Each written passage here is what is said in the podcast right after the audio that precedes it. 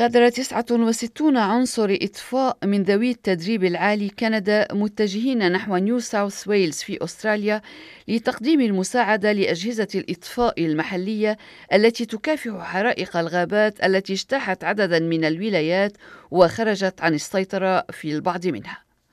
ويضم الفريق الكندي عناصر إطفاء وموظفين من ثمان مقاطعات كندية هي بريتش كولومبيا وألبرتا وساسكاتشوان ومانيتوبا وأونتاريو وكيبيك وإقليم يوكون يشاركون في مهمات مختلفة. وقد طلبت كندا المساعدة من عناصر الإطفاء الأستراليين أربع مرات منذ العام 2015 لمكافحة حرائق الغابات وفق ما قاله كيم كونرز المدير العام لمركز إطفاء الحرائق الكندي. وأضاف كونرز بأن الاتفاقيات متبادلة بطبيعتها وهذه هي المرة الأولى التي تحتاج فيها أستراليا للمساعدة من كندا. وتجتاح أستراليا موجة من الجفاف وارتفعت الحرارة إلى مستويات قياسية وتخوفت الشرطة من أن يعلق السائقون في سياراتهم مع امتداد رقعة الحرائق واشتداد الرياح. الكندية جين بارك أخصائية في الحرائق والنباتات لدى إدارة الحدائق العامة الكندية واحدة من بين فريق الأخصائيين الكنديين الذين توجهوا إلى أستراليا وهي موجودة حاليا في مدينة كامبسي إلى شمال سيدني.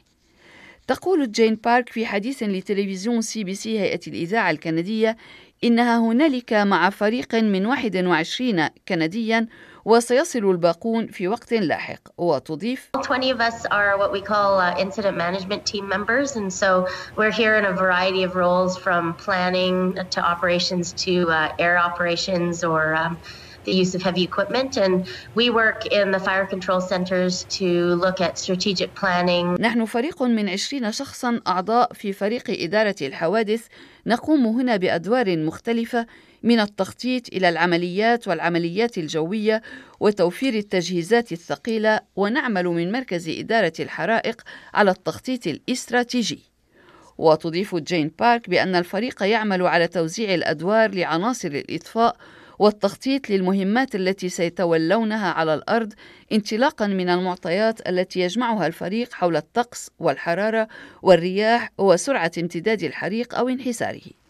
وتقول جين بارك إن الحريق الذي يشارك فريقها في مكافحته ليس الأضخم ويمتد على مساحة 146 ألف إكتار وتتابع بالقول Where it's located, there are a number of national parks and um, there are a lot of uh, rural communities.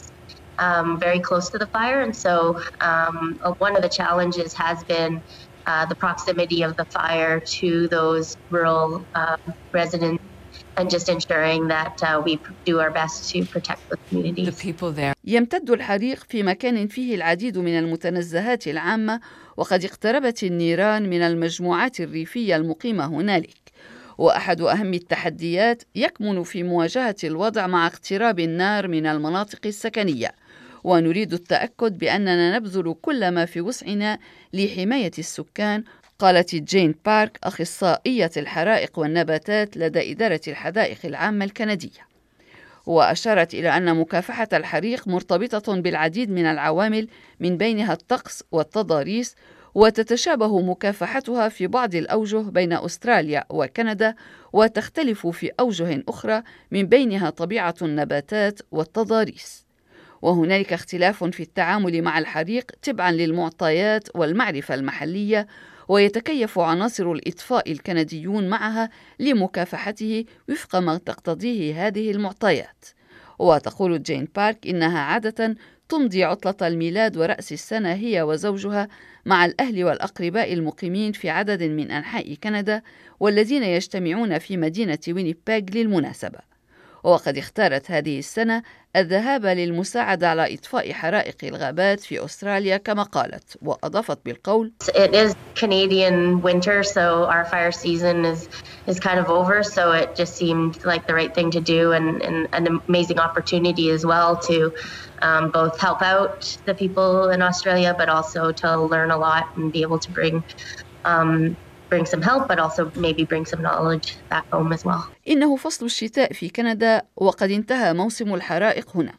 ورأيت أن الفرصة سانحة لمساعدة الناس في أستراليا وأيضا لجمع بعض المعلومات والعودة بها إلى كندا في الوقت عينه كما قالت وقد لقي عناصر الإطفاء الكنديون الترحيب وعبر الناس هنا عن امتنانهم للمساعدة التي قدموها لهم وقد نشر مركز مكافحة الحرائق الكندي مجموعة من الصور من بينها صور مع الكشاف الصغار من تلاميذ المدارس في نيو ساوث ويلز كما قالت جين بارك في حديثها لسي بي سي مؤكدة أنها تعيش تجربة مدهشة ومميزة.